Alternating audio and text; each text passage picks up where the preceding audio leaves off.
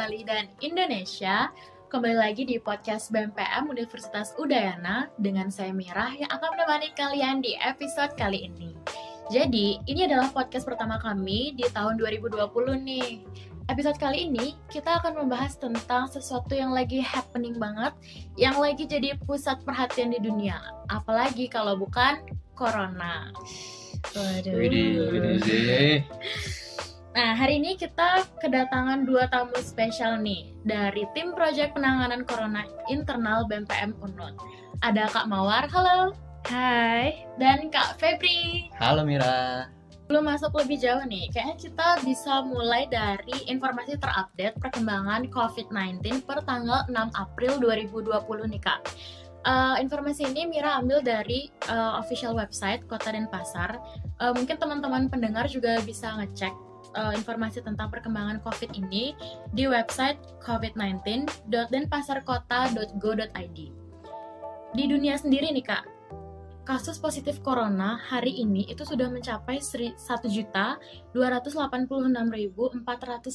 kasus. Wow, ini jumlahnya Ya. besar banget nih. Nyampe sejuta ya. Iya. Besar, besar banget ya. Uh, sembuhnya itu ada 270 orang ya, sekitar 270 orang dan meninggal sebanyak 70.356 orang. Di Indonesia, di negara kita tercinta ini, yang positif hari ini itu sudah mencapai angka 2.491. Yang sembuh 192 orang dan yang meninggal sebanyak 209 orang. Untuk di Bali sendiri, per tanggal 6 April ini sudah bertambah nih kak kasusnya dari yang kemarin. Eh, Untuk yang positif itu mencapai 43 orang yang sembuh 18 orang dan yang meninggal sebanyak dua orang. Eh, total kasus berdasarkan kecamatan nih kak, kita mungkin berbicara khusus di Denpasar ya karena kita di Denpasar. Untuk Denpasar eh, Selatan sendiri itu menduduki peringkat paling tinggi nih dengan jumlah eh, kasus yang paling banyak yaitu sebanyak 82 kasus. Kemudian disusul Denpasar Barat ada 52 kasus dan juga Denpasar Utara 34 kasus serta Denpasar Timur nih ada 19 kasus. Nah, eh, ngelihat tadi perkembangan kasus yang bertambah secara signifikan ini, gimana sih tanggapan kakak-kakak tentang kasus ini selama beberapa minggu ke belakang ini? Sudah merasa cukup resahkah? Sudah cukup cemaskah? Wah, ternyata udah sampai tanggal 6 ini udah ada peningkatan eh, nambah sekitar 8 kasus ya dari kemarin. Ya. Bener-bener resah sih. Wah, nggak kerasa udah meningkat aja itu kasusnya. Sangat resah dan cemas ya. Feb. Sedih juga ya. Mm, Betul. Ya, seperti itu. Mungkin dari Ya. Febri? Ya kalau boleh jujur ya menyedihkan banget melihat realita yang ada di Indonesia sekarang ini. Makin banyak yang dinyatakan positif dan segala macamnya. Tentunya prihatin dan kita doain bareng-bareng supaya ini musibah ini cepat berlalu sih. Iya, cuman ada kabar gembira juga eh, di saat kita menambah kasus positif di Bali sendiri ya. Eh, namun angka dari kesembuhan atau orang yang sembuh pun juga tinggi gitu dibanding yang meninggal. Itu sih salah satu optimisme ya bahwa penyakit ini bisa kok disembuhkan. Nah, eh, ngelihat jumlah yang sesignifikan ini nambahnya nih, apakah kakak-kakak ini sempat nggak sih mengalami panic attack atau panik buying gitu? Kita buru-buru ke supermarket untuk borong makanan? Ya, ya. Eh, anak kos gimana nih anak kos? Ya. Itu jujur terjadi di aku Mira. Ter- Terutama kan aku anak kos yang di mana notabene ya kehidupan sehari-hari ya susah-susah aja kayak gitu. Kayak pasti pasti ada kepanikan tersendiri karena kan kita di sini sendiri nggak ada siapa-siapa nggak ada keluarga ya harus lebih pintar-pintar merawat diri sendiri yang biasanya males-malesan nggak bersihin kos mungkin sekarang bisa lebih teratur hidupnya lah ya mungkin kayak gitu. Dari mawar mungkin ada yang tambahin?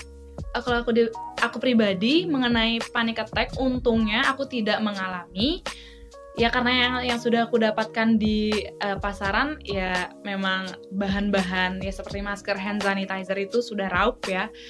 Eh, namun untungnya masih ya masih bisa dipasok lah oleh pemerintah atau memang suppliernya dan banyak organisasi organisasi sosial yang bergerak untuk memberikan eh, hand sanitizer di, apa sih masker dan di- disinfektan itu secara gratis. Ya itu sih bisa menunjang ya. Iya, iya.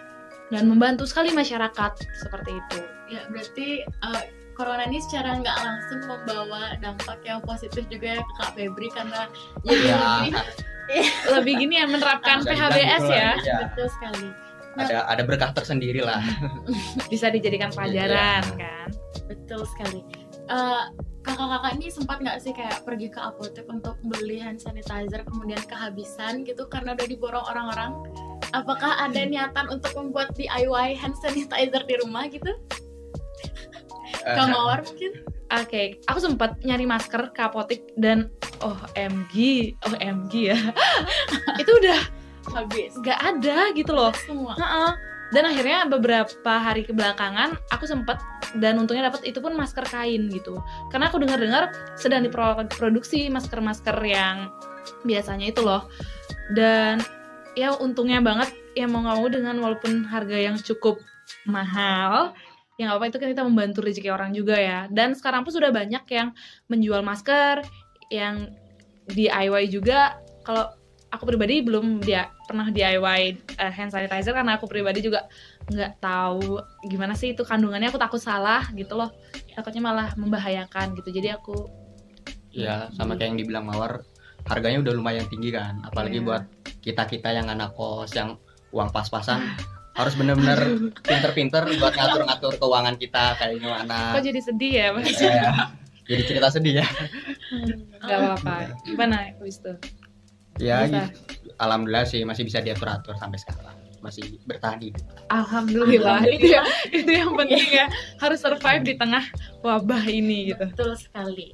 Nah, ngelihat jumlah peningkatan korban corona ini yang terus ningkat-ningkat setiap hari khususnya di bulan Maret ini ya kak yang sekarang udah masuk April bahkan eh, isu lockdown ini kan terus ya santer terdengar gitu kayak masyarakat tuh terus mendorong pemerintah terutama presiden untuk ngeluarin kebijakan lockdown ini.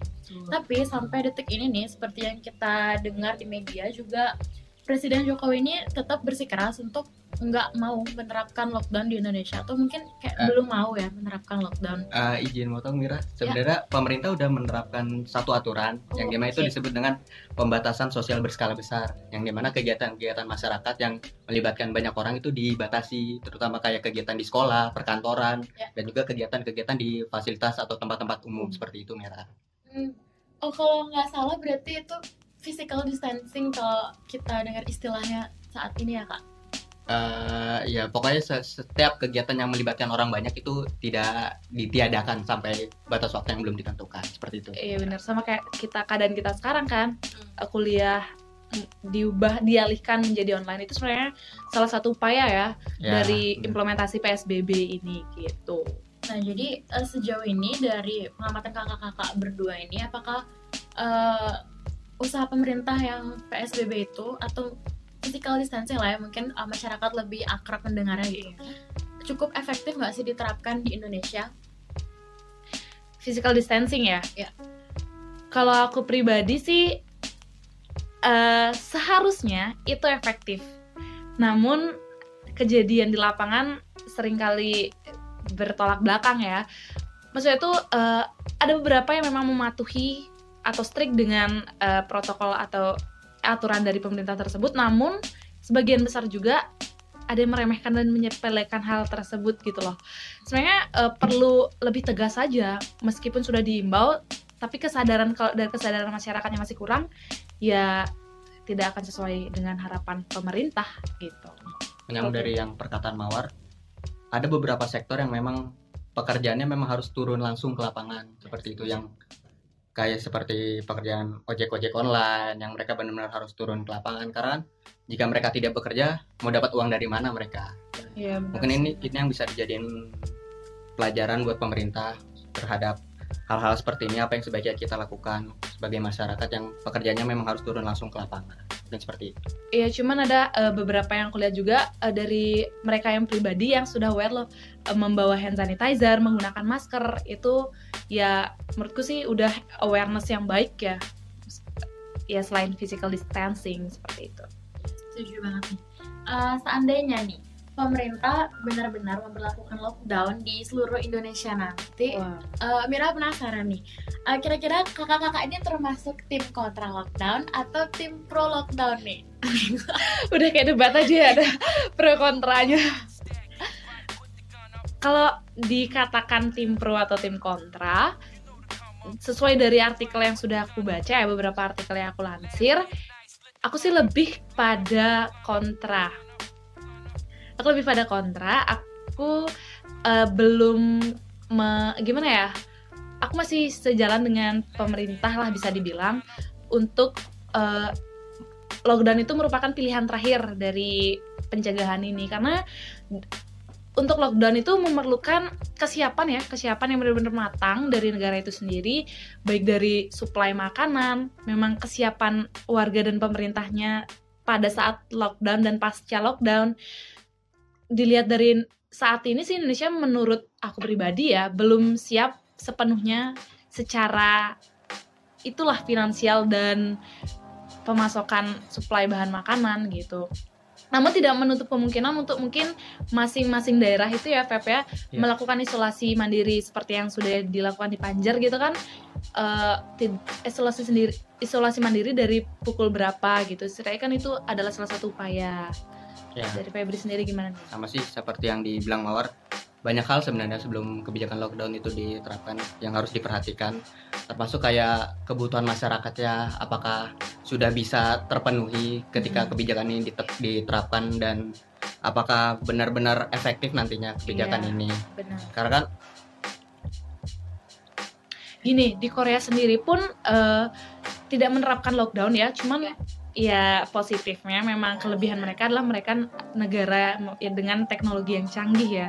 Jadi mereka bisa mengatasi itu dalam waktu yang cukup singkat tanpa harus melakukan lockdown gitu. Ya, mungkin, Cepat tanggap di sana. Mungkin contoh lainnya kayak negara India ya kalau ah, Iya betul betul. India kan udah menerapkan kebijakan lockdown yang justru terjadi di masyarakat realitanya malah masyarakat berbondong-bondong nih kayak pergi ke kampung mereka masing-masing terus malah menimbulkan banyak kerumunan-kerumunan iya. masyarakat yang bakal menimbulkan efek negatif tentunya nantinya dan ini tentunya kita nggak kita harapin terjadi di Indonesia ya dan semoga baik itu efek-efek negatif kayak krisis moneter segala macam nggak bakal terjadi lagi di negara kita begitu. Eh, jadi kalau aku bisa simpulin berarti sebenarnya kita eh, kakak-kakak ini setuju ya kalau ada lockdown kalau pemerintah itu dari pemerintah sudah siap. memiliki kesiapan iya betul dan ya intinya segala jenis segi penunjang untuk yeah. bisa menerapkan ini ya biar kita nggak terjadi Setuju. seperti ya mungkin India lah contohnya. Dan juga mungkin uh, yang terpenting adalah masyarakat itu mau menuruti pemerintah ya. Karena kalau kita lihat kayaknya sekarang masih masih banyak kayak yang disuruh uh, physical distancing diam di rumah tapi ujung-ujungnya masih juga keluar-keluar iya gitu. itu. Itu memang self awareness dari masyarakatnya sih yang memang harus ditumbuhkan iya setuju banget. Ya juga yang terpenting sih pemerintah harus sadar ya kayak untuk memenuhi kebutuhan masyarakatnya apa aja yang harus sesuai dengan undang-undang yang berlaku tentunya seperti itu. Iya betul. Uh, ngomongin uh, masih ngomongin tentang physical distancing nih kak. Uh, dampaknya kita di Bali ini kerasa banget gak sih? Karena uh, Bali itu kan lekat banget ya sama yeah. adat sama upacara keagamaan yang uh, menggait banyak masalah. Misalnya kayak ngaben atau maya gitu ya kan iya, kak? Uh, yeah. nah, kayak yang baru lewat kemarin nih kita baru aja merayakan hari raya nyepi kan nih dan ada hal yang beda gitu di nyepi kita tahun ini nih. Kita nggak ada power ogogo kemudian plastik juga dibatasi orang-orangnya dan bahkan di beberapa desa pun juga ada yang meniadakan plastik gitu. Uh, Mira penasaran nih kakak-kakak ini melewati nyepi yang kemarin tuh gimana sih kayak uh, ngapain aja waktu nyepi dan gimana sih perasaannya waktu ogoh-ogoh tuh nggak ada gitu kayak apakah ada sesuatu yang hilang rasanya? ya kalau dari aku sih jujur sedih sih karena kan aku dari luar Bali ya aku anak rantau ya. kayak tahun kemarin tuh aku ngeliat ogoh-ogoh kayak seneng banget gitu kayak ada hiburan yeah. tanah kos akhirnya kan ada banyak hiburan kayak pemandangan ya, baru gitu kan? ya kan nggak nggak biasa aku lihat kayak gitu kayak rame tahu-tahu kayak keren aja di gitu. luar Bali nggak ada lagi ya kayak menyambut, menyambut nyepi kok kayak gini anjir seru banget ternyata. Sebagai uh, masyarakat Bali asli benar setuju. Febri yang masyarakat luar aja sedih apalagi aku. Ya. merasakan juga lah maksudnya yang teman-teman pemuda pemudi telah lakukan. Ini kan momentum yang sangat ditunggu-tunggu ya menyuguhkan karya sekreatif gitu. Ya. Karena gue ini sudah menjadi ajang yang dilombakan juga gitu.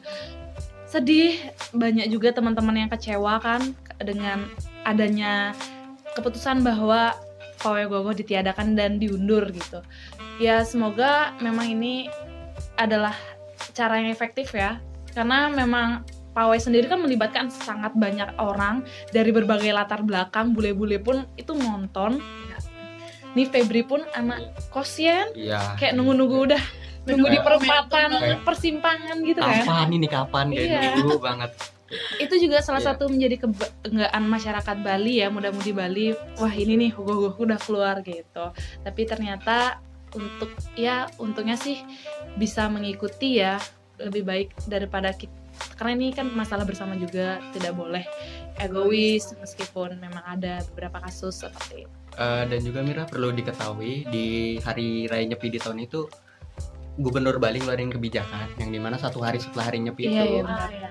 eh, masyarakat tetap nggak boleh keluar dari rumah dan buat aku sendiri yang anak kos itu agak sedikit kesulitan buat aku karena mulai dari bahan makanan aku udah menipis terus uang pas-pasan kan aku mau aku mau nyari ATM tuh kayak susah banget ATM juga pada nggak bisa kayak Iya karena mungkin ya mungkin perlu dipikirkan juga kayak kebijakan-kebijakan yang kemarin mungkin bisa jadi bahan evaluasi buat ke depannya Iya karena pengumuman juga terkesan mendadak gitu Iya. kan ya dan eh, karena tersebar di media sosial itu tuh kebenarannya itu menurut aku diragukan itu ah ini bener gak sih ah paling hoax apa gimana kan jadi itu teman-teman yang memang rantauan yang sendiri memang di Bali itu merasa ah udahlah stok segini cukup gitu kan ya ya. Iya. ternyata di hari itu memang dijaga ketat oleh polisi aksesnya jadi ternyata toko-toko banyak tutup ya gitu kita. kesulitan untuk memperoleh bahan makanan Jadi memang nyepi kali ini tuh kita sepertinya harus memaklumkan keadaannya Iya. dan juga berusaha untuk mengerti bahwa pemerintah pun juga berat untuk mengeluarkan kebijakan Iya. ini karena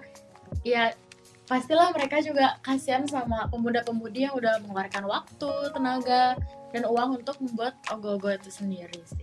Ya, benar kan? Tapi sebelum nyepi pun udah nyepi gitu jadi ya udah nyepi dari awal gitu kan ya. Ya udah biasa aja. sepi gitu udah sepi.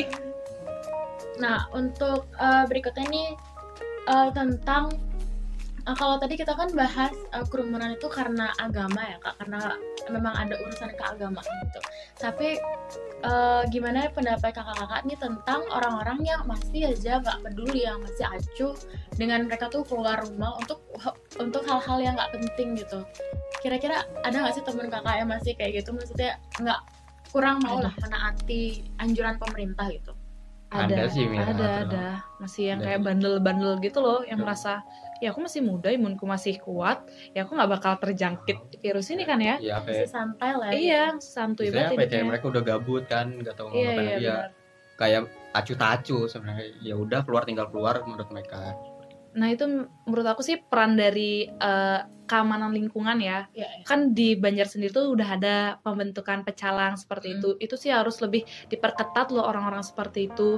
Ya mereka mungkin bisa aja maksudnya tidak terjangkit tidak menimbulkan gejala dari corona ini ya. Tapi dia kan bisa menjadi carrier yang menyebarkan ke orang yang lebih rentan gitu. Sebenarnya itu yang ditakutkan dari adanya memang kumpul-kumpul harus ini. lebih ditegaskan sih dalam Iya, peraturan-peraturan seperti ini. Ya sih karena eh, sepertinya juga eh, peningkatan kasus yang signifikan ini salah satu faktornya karena mereka tuh seperti menyepelekan ya. iya benar karena mereka berpikir mungkin penyakit ini cuma buat orang tua dan Iya, iya. bakal ya bakal kena. padahal enggak sama sekali so untuk para pendengar eh, podcast kita bisa mungkin dijadiin bahan evaluasi ya mungkin Ya, yang dengar ada yang sering ih aku nih sering keluar gitu Masih Mungkin coba nongkrong. ditahan Merasa ditahan dulu merasa tersinggung ya Jiwa-jiwa nongkrongnya mungkin ditahan dulu sampai wabah Iya. ini mereda lah ya. Betul betul sekali karena demi keselamatan bersama Setuju banget. Eh, nah, masih ngomongin tentang dampak physical distancing nih kak.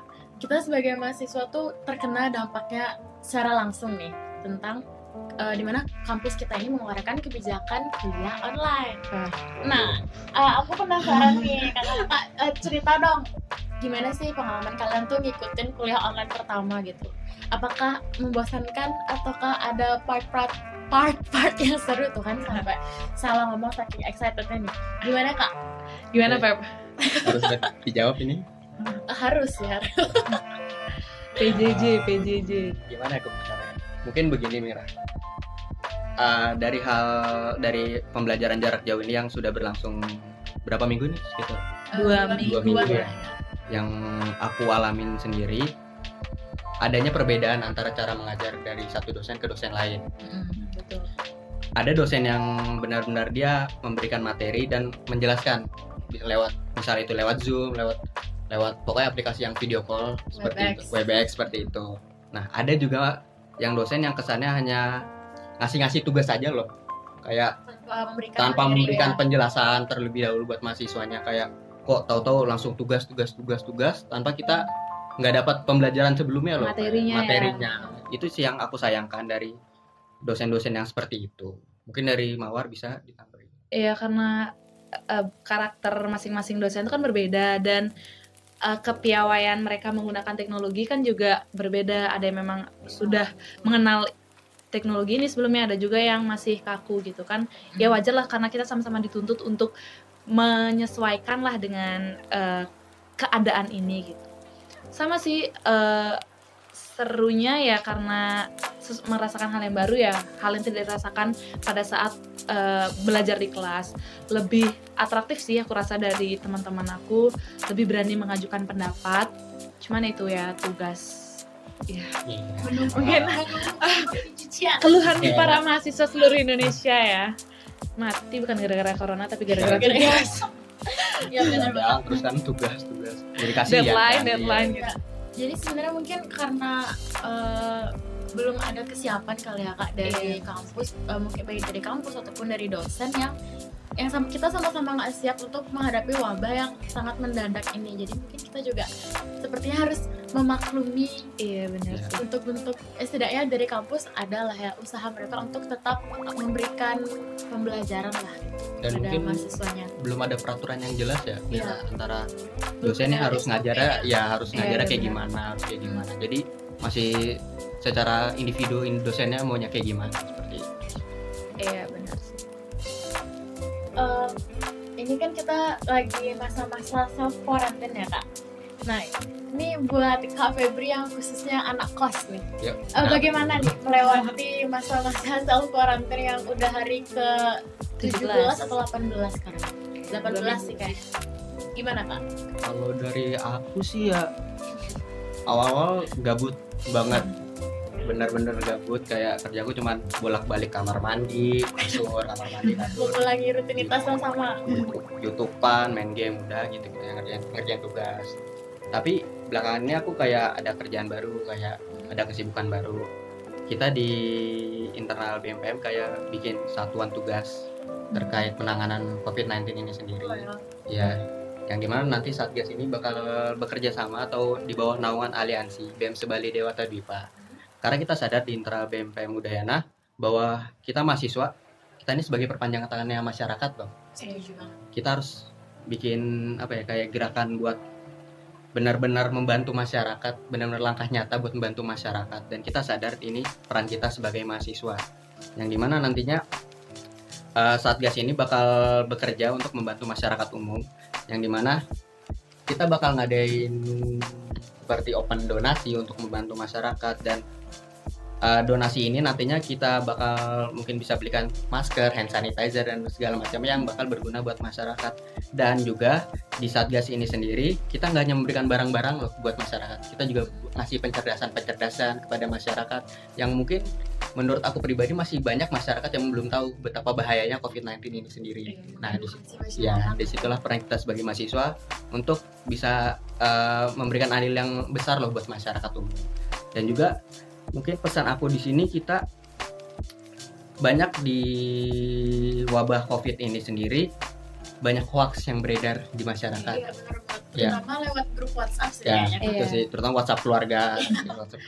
itu sih menurut aku kan kita sebagai mahasiswa jangan kayak apa ya jangan Biarkan ragu lah. ya jangan ragu atau jangan segan untuk memberitahu kepada ma- maupun itu keluarga kita sendiri jangan ragu untuk memberikan uh, saran ataupun tanggapan bahwa ini beritanya sebenarnya harus kita telaah lebih jauh lagi. Apakah benar ini berita yang ada di grup WhatsApp itu sendiri?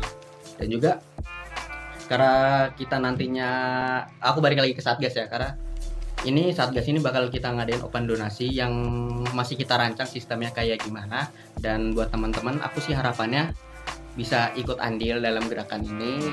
Karena kan kita juga membantu masyarakat secara luas dan untuk info lebih lanjut mungkin nanti bakal ada di share di akun BEM Udayana ataupun di aliansi BEM Sebali Dewasa Oh, berarti ini ada jadi ini tuh gerakan dari aliansi BEM Sebali ya kak. iya betul. Um, untuk sasarannya siapa sih sebenarnya sasaran dari kegiatan ini?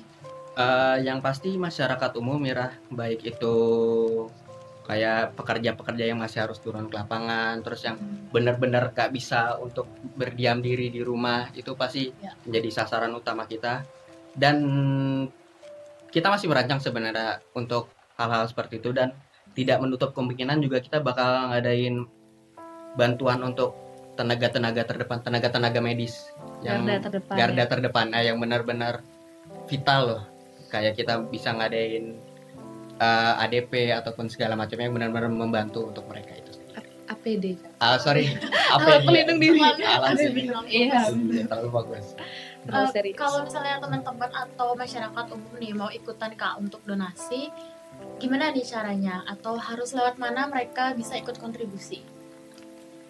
Oke, untuk eh, mm, bagi teman-teman atau para pendengar yang ingin berdonasi, akan ada info lebih lanjut setelah dari perancangan sistemnya. Ditunggu aja di media sosial BEM Udayana dan BEM Aliansi Bali. Dan aku ingin menambahkan juga dari yang Febri katakan tadi, eh, salah satu upaya kita kan melakukan pencerdasan dan pencerdasan ini eh, bisa dibilang kita tidak apa sih abal-abal gimana ya? Iya. Suatu kita mengacu, iya nggak salah-salan. Kita mengacu pada eh, memang eh, WHO, Kem- Kementerian Kesehatan RI seperti itu. Informasi-informasi dari mereka yang akan kita ya info yang udah valid gitu ya, info yang sudah valid akan kita agak ya buat menarik untuk bisa disebarkan kepada masyarakat ya lebih mengedukasi seperti itu. Dan tadi mengenai hoax ya. Kenapa bisa terjadi hoax? Karena banjir berita gitu loh.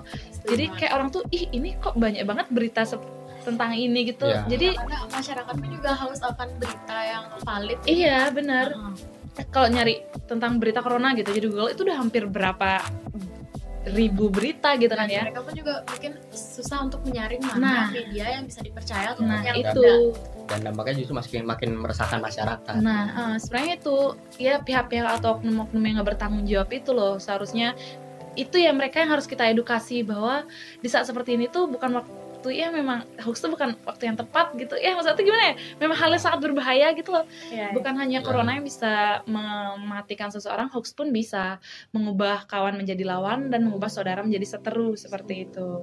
Setuju setuju. Memicu konflik Ya, juga. memang media memang memegang peranan yang sangat penting Betul sebenarnya banget. seperti ini. Krusial lah.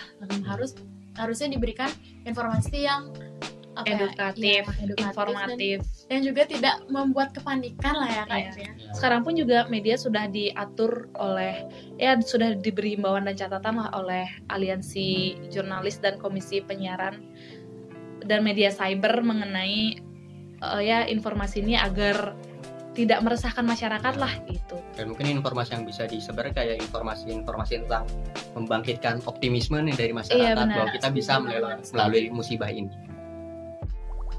Betul. Eh, tadi kita masih bahas seputar self quarantine ya kak. Ya. Kalau kak Febri sebagai anak kos nih eh, mengulangi rutinitas yang sama gitu. Kalau kak Mawar gimana nih kan tinggal sama keluarga ya kak. Iya.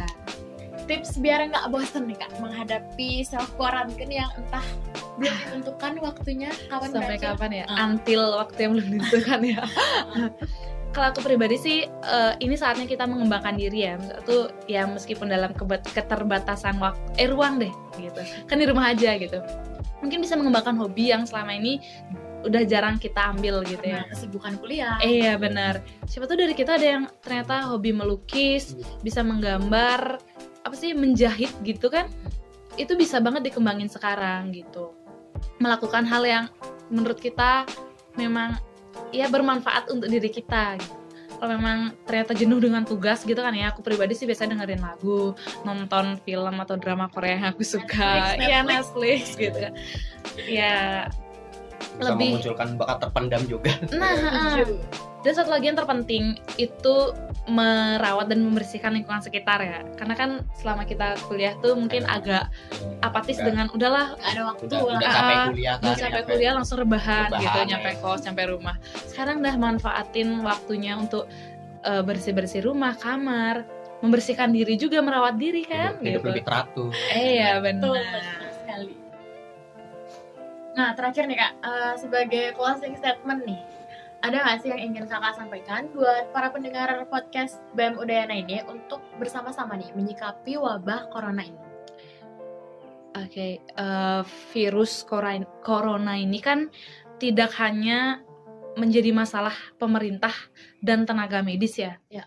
namun masalah kasus ini atau wabah ini menjadi masalah kita bersama. Jadi ya memang harus kita bersatu bersama-sama seluruh elemen masyarakat tanpa terkecuali ya untuk memerangi eh, corona virus corona atau COVID-19 ini. Saat ini bukan waktu yang tepat untuk saling menyalahi atau menyal- menjatuhkan ya. Ini loh seharusnya gini-gini pemerintah apa bla bla bla. Kita semua yang harus ya sama-sama menanggung resikonya. Yaitu kalau memang kita sebagai mahasiswa atau masyarakat ya paling nggak cara minimal kita yaitu mengikuti protokol kesehatan. Itu sudah sangat membantu tenaga Ya, medis dan pemerintah kan untuk mengurangi penyebaran dari COVID-19 ini. Jadi yang paling kecil lah kita cuci tangan lah, Iya, cuci tangan benar. yang benar gitu. Betul. dan yang pengen aku garis bawahi sebenarnya kita harus yakin bahwa musibah ini bakal berlalu dan Iya. Membangun optimisme. dan uh, bakal terjadi happy ending kok yakin amin lah, amin. Doa-doa baik kita aminkan sama-sama. Ya pasti sembuh kalau memang kita mau berusaha. dan juga ikutilah anjuran pemerintah karena nggak susah kok untuk kita tetap diam di rumah kan, Iya, Kak? benar. terutama kaum kaum rebahan ini saatnya kalian menjadi Rebahan. pahlawan Oh, gimana gimana? menjadi pahlawan di di saat ini ya kan dengan membantu Iya, pemerintah benar tidak benar. keluar Betul, rumah betul. Betul, betul. Hidup kaum perubahan. nah seru banget nih bincang-bincang kita hari ini bareng Kak Mawar dan Kak Febri makasih banget atas waktunya Semoga sangat eh semoga membantu dan Semoga bermanfaat ya. juga pembicaraan kita hari ini buat para pendengar. Betul. Dan teman-teman juga uh, ingat selalu untuk jaga kesehatan dan stay safe di mana pun kalian berada. Sampai ketemu di podcast BMPM Unut di episode episode selanjutnya. See you. dadah Bye.